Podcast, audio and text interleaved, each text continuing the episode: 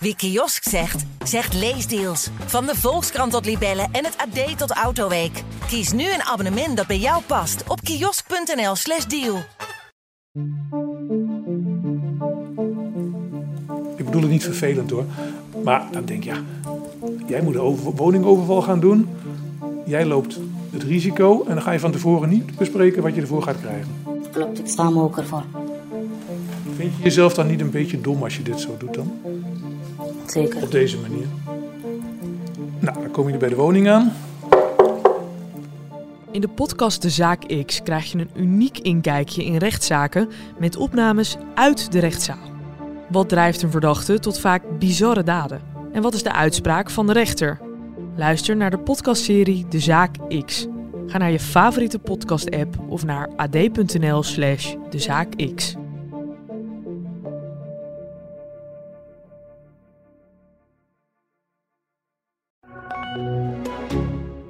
België nu. Eh, Twintig jaar geleden pleegde de bende van Nijvel haar laatste en ook bloedigste overval. Acht mensen bleven dood achter na een roofoverval in een supermarkt in het Belgische Aalst. De bende heeft jarenlang dood en verderf gezaaid. In totaal maakten ze 28 slachtoffers, terwijl de buit eigenlijk klein was. De daders zijn nooit gevonden. Tot op de dag van vandaag zit er een onderzoeksteam van de politie op de zaak. Nog altijd tasten de rechercheurs in het duister en hopen ze op die ene gouden tip. Dit is een fragment van Netwerk, een tv-programma van jaren geleden. Het gaat over de bende van Nijvel. Net als in Oosterbeek, in die zaak dood en verderf, maar dan in de jaren 80 in België. Zou dat iets te maken hebben met Oosterbeek? In 1990 hielden ze er rekening mee dat de bende van Nijvel opeens in Nederland actief is geworden. In België zat de schrik er in ieder geval nog goed in. Op, op een gegeven moment was op vrijdagavond gaan winkelen ehm, of naar de supermarkt gaan. eh, dat leek een eh, supergevaarlijke uitstap. De Nederlandse politie onderzoekt de overeenkomsten. Dat hoor je deze vierde aflevering van de podcast Appie. De podcast over een supermarktoverval in Oosterbeek. Ja, dat het afschuwelijk is. Dat dat hier in zo'n rustig dorp gebeurt. Ik keek door het raam en ik zag daar wat liggen, maar ik heb voor de rest niet gekeken en ik ben eigenlijk weggegaan. Ik was toch wel uh, diep geschokt. Mensen zijn in koele bloeden vermoord, daar lijkt het op. Dit is Appie, een podcast van Mark Adriani, dat ben ik. En ik maak deze podcast voor De Gelderlander, het AD en de aangesloten regionale dagbladen. In deze podcast vertel ik over de meest brute supermarktoverval die ooit in Nederland is gepleegd. Een verhaal over een moord. Een dubbele moord. En dat is nog niet alles. Na twee dodelijke schoten op Albert Heijn-medewerkers Rob en René... is er nog twee keer geschoten. Dat was op Johan. Hij overleefde de aanslag, maar heeft een handicap voor de rest van zijn leven. Dit is aflevering 4. De aanhouding.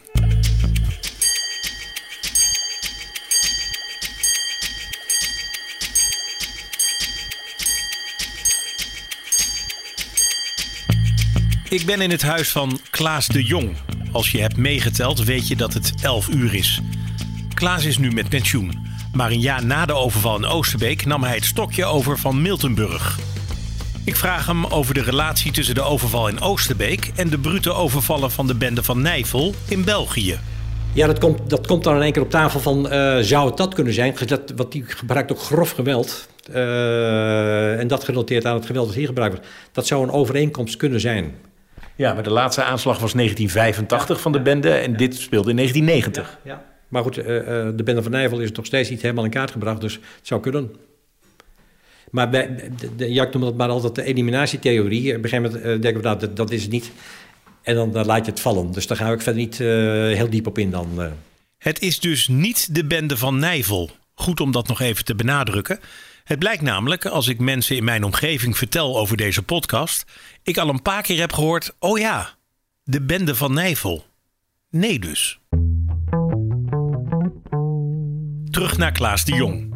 Klaas heeft een mooie carrière achter de rug. Hij woonde lange tijd op Curaçao, werkte in het bedrijfsleven, maar was ook politieman. Na de tip in het programma van Jaap Jongbloed was hij degene die het nieuwe recherche-bijstandsteam moest gaan leiden. De druk was groot. Hirschbalin was minister van Justitie en die had er niet veel woorden voor nodig. Heel kort samengevat, uh, dat waren ook de woorden die hij ook eh, richting mij en mijn collega's uitsprak... van uh, deze zaak moet kosten wat het kost, want het heeft een dermate impact op onze samenleving. Dit kennen wij ook helemaal niet op deze manier. Dat moet opgelost worden. Het moest worden opgelost. Voor deze podcast heb ik Hirschbalin ook benaderd, maar hij wil zijn verhaal niet doen. Het is vele tientallen jaren na de overval en hij zou dan in het archief moeten duiken. En dat wil hij niet.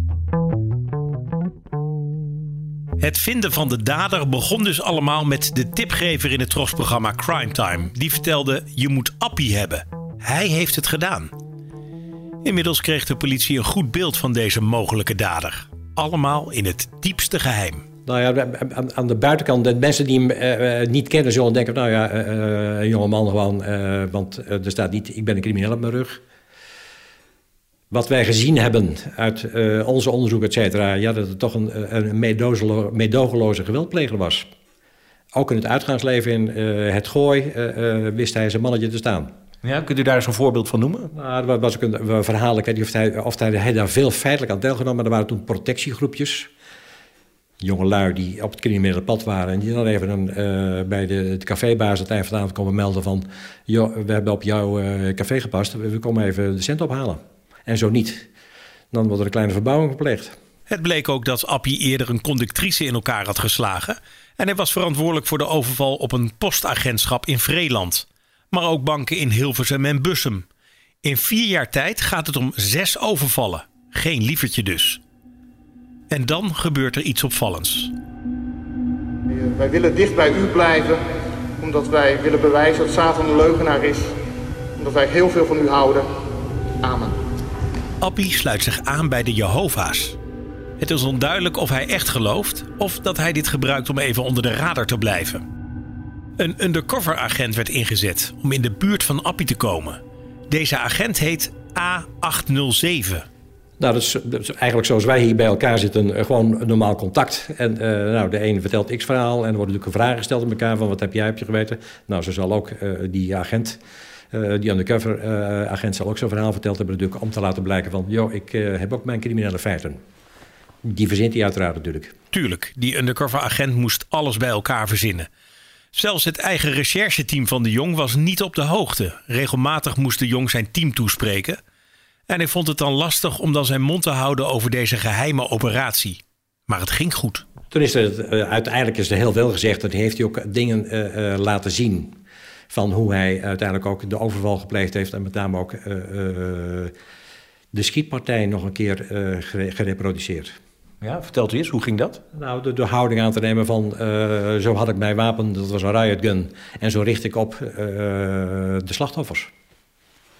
En dat zijn natuurlijk dat zijn natuurlijk de redenen van wetenschap voor de politie. Hè, van, uh, dat ik zo'n agent dan kan rapporteren van... Ik zag en ik hoorde. Ja. en dat is kennis die alleen Appie had. En, yes. uh, en misschien de politie, omdat ze de sporen hadden. En, en heel relevant voor het bewijs uiteindelijk. Ja, nou gaan er ook verhalen dat Appie geoefend had op, op een koe. Ja. Ja, die verhalen die kennen wij ook. dat is overigens niet helemaal nieuw in de criminele wereld.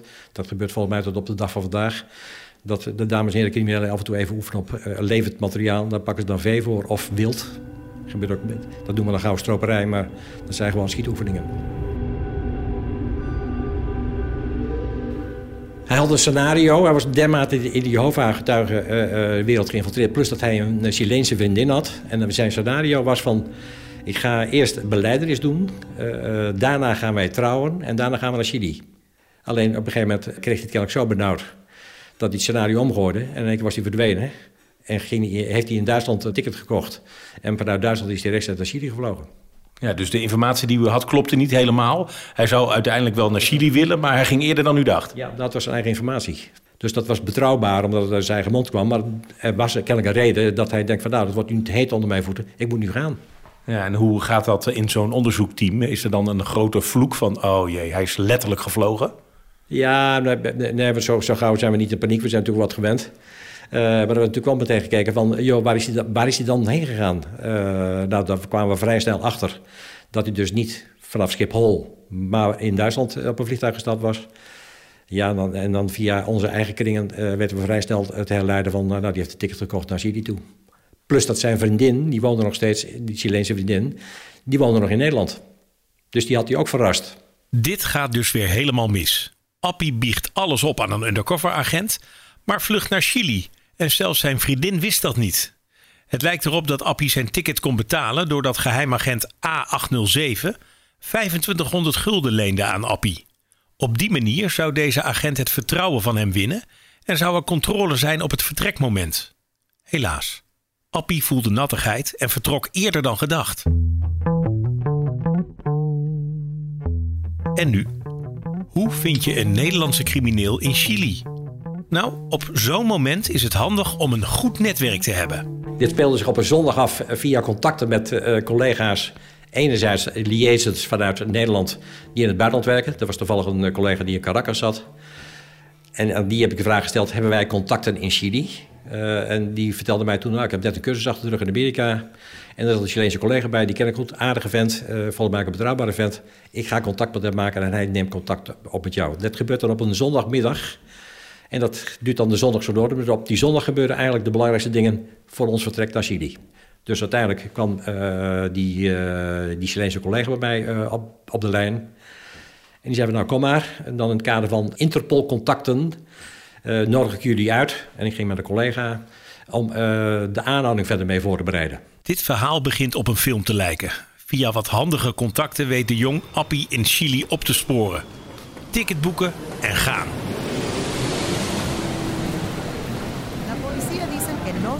In Chili wordt Appie door de Chileense politie en Klaas de Jong goed in de gaten gehouden. Appie woont in Chili weer samen met zijn vriendin. Inmiddels was zij uit Nederland haar man achterna gevlogen.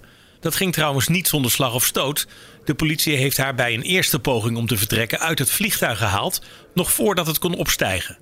Na urenlang te zijn verhoord is het duidelijk dat ze niets wist over de overvallen van haar vriend.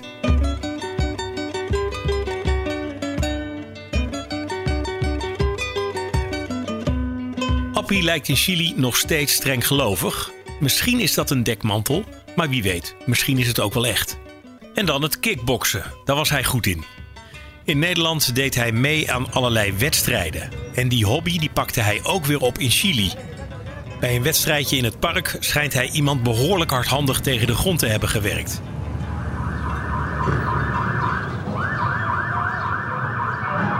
Klaas de Jong heeft de politie in Chili overtuigd van het feit dat Appie moet worden gearresteerd.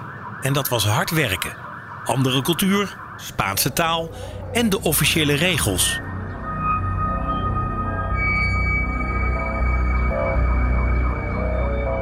Die hele operatie maakte indruk op de Jong. Dus Appie op een avond, ik weet niet meer welke avond, woonde toen met zijn vriendin volgens mij in een galerijflat. Uh, de, bij dat team van aanhouding zat een vrouwelijke collega, dus die riep via de brievenbus de naam van de vriendin. En die kennelijk niets vermoedend uh, dacht van nou oké, die deed de deur open en daar was meteen het team binnen en deed de aanhouding. En bij de, de tweede seconde was Appie geboeid buiten. En werd dus naar het bureau gebracht ben ik toen meegegaan naar het bureau. En uh, ik herinner mij nog steeds de blik van Appie, ik kon heel cynisch kijken. En die keek naar mij en die zei van, uh, die, op tegen manier kende hij mij. Dat vind ik ook wel interessant trouwens.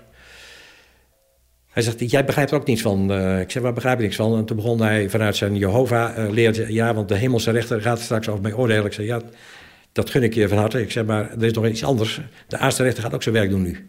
Zei, dat gaat volgens mij, hoop ik, vooraf aan datgene wat jij bij de hemelse rechter nog een keer denkt te, te moeten meemaken. En, en zo was het contact. Ja, dat is meteen een, een opmerking over uh, nou ja, zijn geloven eigenlijk. Ja. Maar ik kan me ook voorstellen dat hij ook wel uh, oprecht schrok. Dat hij dacht, god, die Nederlanders, hoe hebben ze dit nou weer voor elkaar gekregen? Nou, op de een of andere manier, uh, dat toch, Santiago de Chile is een hele grote plaats, maar hij had daar toch wel iets van vermoeden dat er wat gaande was. Uh, ook de Commissie natuurlijk. En ik weet niet hoe dat werkt daar, maar uh, het kan best dat iemand gesproken heeft dat ze contact hebben van... joh, er is een Nederlandse commissie uh, van justitie... en die zijn op onderzoek naar een Nederlandse verdachte. Ik weet niet of het zo gegaan is, maar dat zou kunnen. De politie in Chili zag het waarschijnlijk als een mooi PR-moment. In het avondnieuws op de Chileense tv werd uitgebreid stilgestaan bij de arrestatie van Appie. Luister maar. Albertus Johannes Avenius, ciudadano holandés de 26 años de edad, experto karateca y prófugo de la justicia de su país por un doble homicidio y asaltos a mano armada. Als je Spaans spreekt heb je het misschien kunnen verstaan. En anders, in het item wordt gezegd dat deze Nederlander gezocht wordt voor een dubbele moord. Op de Chileense tv zie je Appie ook lopen. Om hem heen een stuk of vijf agenten. Veel flitsen van fotocamera's.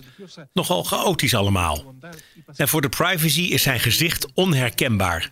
Zijn hoofd is geblurred.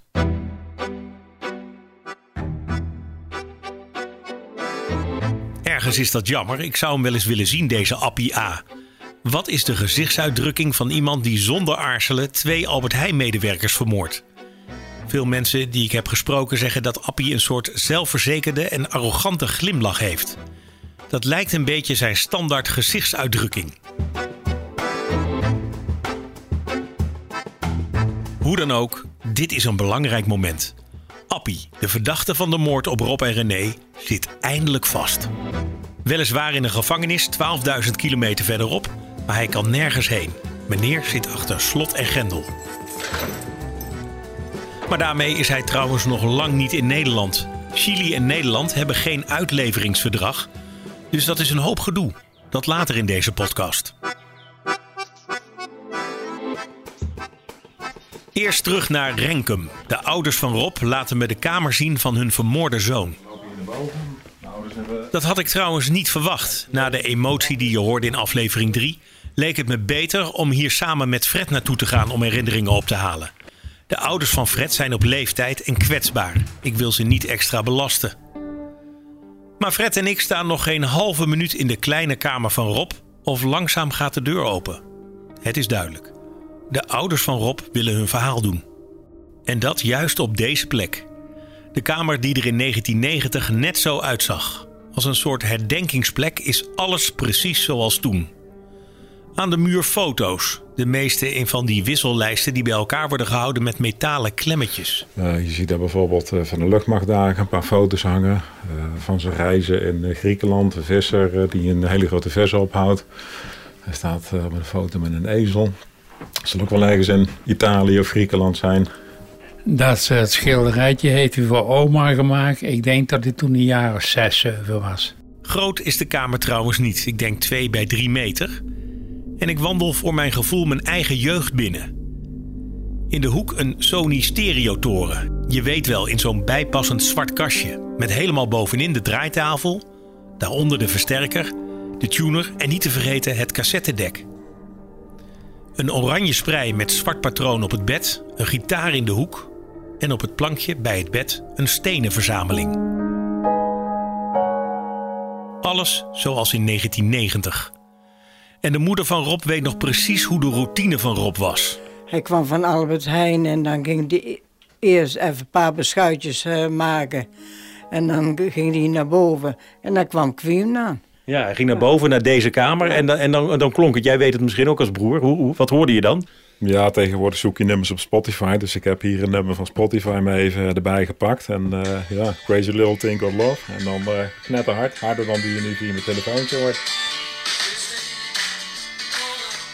En dat, en dat galmde dan door het hele huis? Ja, de buren konden ook wel meegenieten. Ja. En, en heeft u wel eens geklaagd over de harde muziek? Nee. Nee, hè.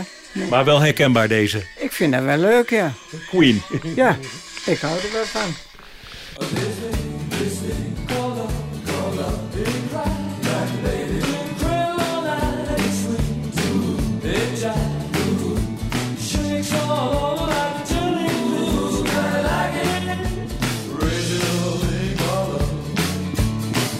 Het kleine kamertje vult zich met het geluid van Queen.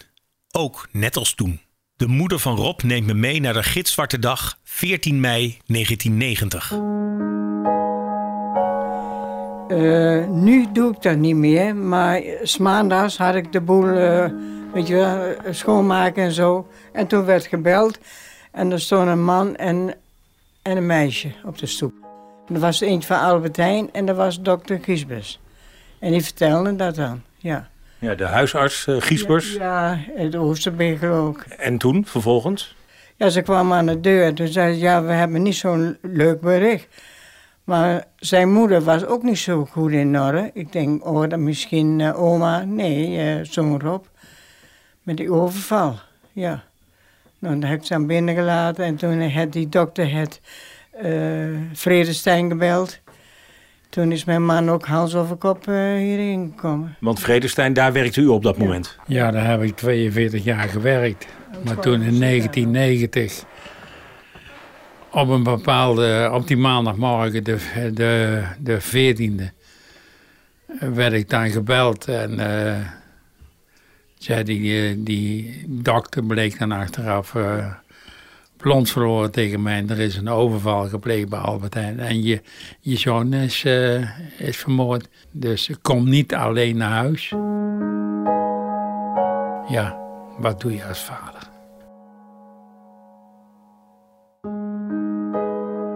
Kom niet alleen. Vraag een collega even om mee te fietsen. Maar ja, dat gebeurde niet. De vader van Rob fietste als een gek naar huis. Daarna bevestigde hij het verhaal van huisarts Giespers. Die hoorde je in aflevering 2. Bij de Albert Heijn in Oosterbeek wilde vader Hageman kosten wat het kost naar binnen om zijn doodgeschoten zoon te zien. Maar dat mocht niet van de politie. Er stond een politieagent en uh, nou ja, ik, die liet me niet door. Dus uh, ja, je wilde naar je kind toe. Ja. Maar dat is niet gelukt en uh, misschien maar goed ook. Anders had je dat ook nog je leven lang meegenomen.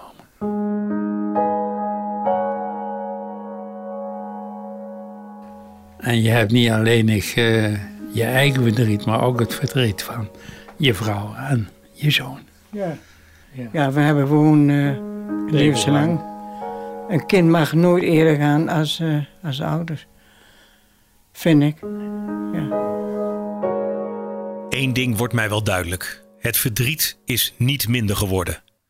Je hoort wel eens dat tijd de wonden hield. Maar hier heel duidelijk niet. Al heeft vader Hageman meer begrip voor de politie. Misschien was het achteraf toch wel goed dat de politie besloot hem niet naar binnen te laten. Het zien van het verminkte lichaam van zijn zoon bleef hem bespaard.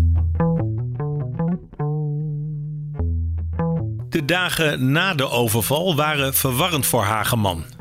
De moordenaar van zijn zoon liep nog ergens rond. Wat doe je dan? Je gaat zelf zoeken. Je kijkt rond. Je gaat niet meer naar Albert Heijn toe. Maar ja, we waren toen in Heelsum in de winkel. Je wat duistere figuren lopen en die ga je toch wat nader bekijken. Ja, ah ja, het slaat nergens op. Op een witte plank aan de muur staan fotoboeken. Fred wijst me op reisverslagen die op dezelfde plank liggen. Rob legde van zijn reizen alles vast. Iedere dag schreef hij een stukje. Uh, ja, en in de fotoboeken staat ook van alles uh, omschreven. Als ik er eentje pak, dan heb ik hier een dagboek uh, van het trek, het wandeltocht in de Pyreneeën. Ja, het is zo'n klein notitieblokje, zo'n ja. zo harde kaft. Ja, klopt. En we hebben het over juli 1989. Ja, dat is de zomer voor, uh, ja, voor, de, voor, voor, de, voor de gruwelijke aanslag in, uh, in Oosterbeek. Ja, klopt. Eigenlijk voelt het niet goed om in iemands dagboek te lezen. Ook als die persoon is overleden. Wie ben ik om in iemands leven binnen te dringen? Fred maakt me duidelijk dat dit reisverslagen zijn. En dat is toch echt anders dan een dagboek vol geheimen. Fred begint te lezen. Zo, nog een uur of drie voordat ik met de trein naar Utrecht vertrek. Ik heb er zin in. Alles is gepakt. Zo dadelijk nog even alles controleren. En dan drie, vier uur op weg voor een busreis van 20 uur. Bami zal mijn laatste maaltijd in Holland zijn. Compleet met gehakt, et cetera. Twee borden vol. En we moeten er even tegenaan kunnen. Bami met gehakt en dan op reis. Rob schreef dat in de zomer van 1989. Het zou zijn laatste zomervakantie zijn. En twee jaar later ging Appie op reis, maar noem dat geen vakantie. Het was een vlucht. Hij had een bekentenis gedaan aan een undercover agent in Nederland, maar voordat hij kon worden gepakt was hij weg. Naar Chili. Het land van dictator Pinochet. Pinochet pleegde in 1973 een staatsgreep. Tijdens zijn regime waren er 40.000 gevallen van mensenrechten schending. Uit dat land wilden we Appie A overbrengen naar Nederland. In 1990 was Pinochet niet meer aan de macht, maar ze moesten daar nog erg wennen aan de democratie. Tijd voor meer uitleg. Daarvoor ga ik naar Horen. naar het huis van een echte deskundige. Een deskundige met een hond. Hallo. Goedemiddag. ik heb een afspraak. Ja. Kijk, ik ben iets te vroeg. Nou, dat is geen probleem. probleem. Ik ben Mark, Adriani. Hallo. Ja, dat is ons hondje. Niet gevaarlijk die hond en de naam doet dat ook niet vermoeden. De hond heet Dinges. Ik ben trouwens in de woning van Harmen van der Wild. Dat ben ik. En ik ben hoogleraar internationaal strafrecht. En ik weet er wel wat van. En dat is hij aan de Universiteit van Amsterdam. En hij weet er inderdaad wat van. Hij is niet voor niets hoogleraar. Ik vraag hem zich te verplaatsen in Appie. Is een vlucht naar Chili logisch? Nou, op het eerste gezicht kan ik me de eh, redenering wel voorstellen. ja, zo, zo, zo werkt dat. Hè? Want eh, Nederland levert niet uit zonder verdrag. Chili misschien wel. Dus dat is precies het spiegelbeeld van de situatie. Dus je bent in feite afhankelijk van de welwillendheid van de Chileense autoriteiten of die hier komt. En daar heeft hij waarschijnlijk niet over nagedacht. Hij dacht, dat gaan ze nooit doen. Uh, nee, uh, dat, dat, dat, dat dacht hij waarschijnlijk inderdaad. En uh, met, met, enige, ja, met enige grond heeft hij dat gedacht. Want Chili heeft alle recht om te zeggen, wat doen, dat doen wij niet. Want in een soortgelijke situatie zouden jullie niet uitleveren. Dus wij op grond van het wederkerigheidsbeginsel gaan dat ook niet doen. Dat is de redenering geweest die erachter zit. Oei, wederkerigheidsbeginsel. Dat klinkt ingewikkeld. Dat is het niet. Simpel gezegd, Nederland mag alleen iets met een uitlevering als het twee kanten opwerkt. Dat leg je vast in een verdrag. Dus als Chili iemand aan ons uitlevert, moet dat ook andersom, tenminste als daarom gevraagd wordt. Met een verdrag keur je dat automatisch goed als het ware. Maar Nederland wilde in de jaren 90 absoluut geen uitleveringsverdrag met Chili. De reden is begrijpelijk.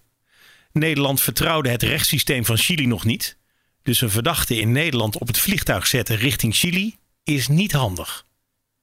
Dan maar geen verdrag. Toch werd Appie uitgeleverd. Hoe dat ging, hoor je de volgende keer. Dit was aflevering 4 van Appie. Abonneer je even op deze podcast, dan krijg je een seintje zodra er een nieuwe aflevering online staat. In aflevering 5, de volgende keer, leren we Appie beter kennen. Eigenlijk is hij als een hele zorgeloze tiener, zo leek het dan, hè, bij ons begonnen. Maar het werd toch steeds meer een tobberig joch. En ik praat met advocaat Wim Anker. Wat vindt hij van mensen die zeggen levenslang is ook echt levenslang? Ik heb wel dit standpunt inhumaan genoemd, omdat je een mens, een persoon, geen enkel perspectief biedt. Dat hoor je in de volgende aflevering. Appie is een podcast van De Gelderlander, het AD en de aangesloten regionale dagbladen. Onder eindredactie van Kevin Goes.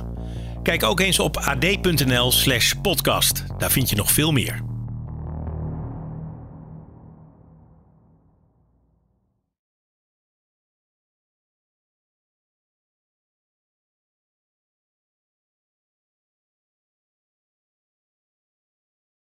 In 1986 wordt er een moord gepleegd. Het is een moord in huiselijke kring, ergens in een buitenwijk van Stockholm. Het slachtoffer is een 30-jarige vrouw. De dader, haar stiefzoon Samir Sabri. En vrijwel gelijk als de politie ter plaatse is, bekent hij haar vermoord te hebben. Op basis van die bekentenis en ander bewijsmateriaal wordt hij veroordeeld tot een lange gevangenisstraf. Alleen kort daarna beweert hij onschuldig te zijn. Terecht of niet? Je hoort het in de stiefmoedermoord.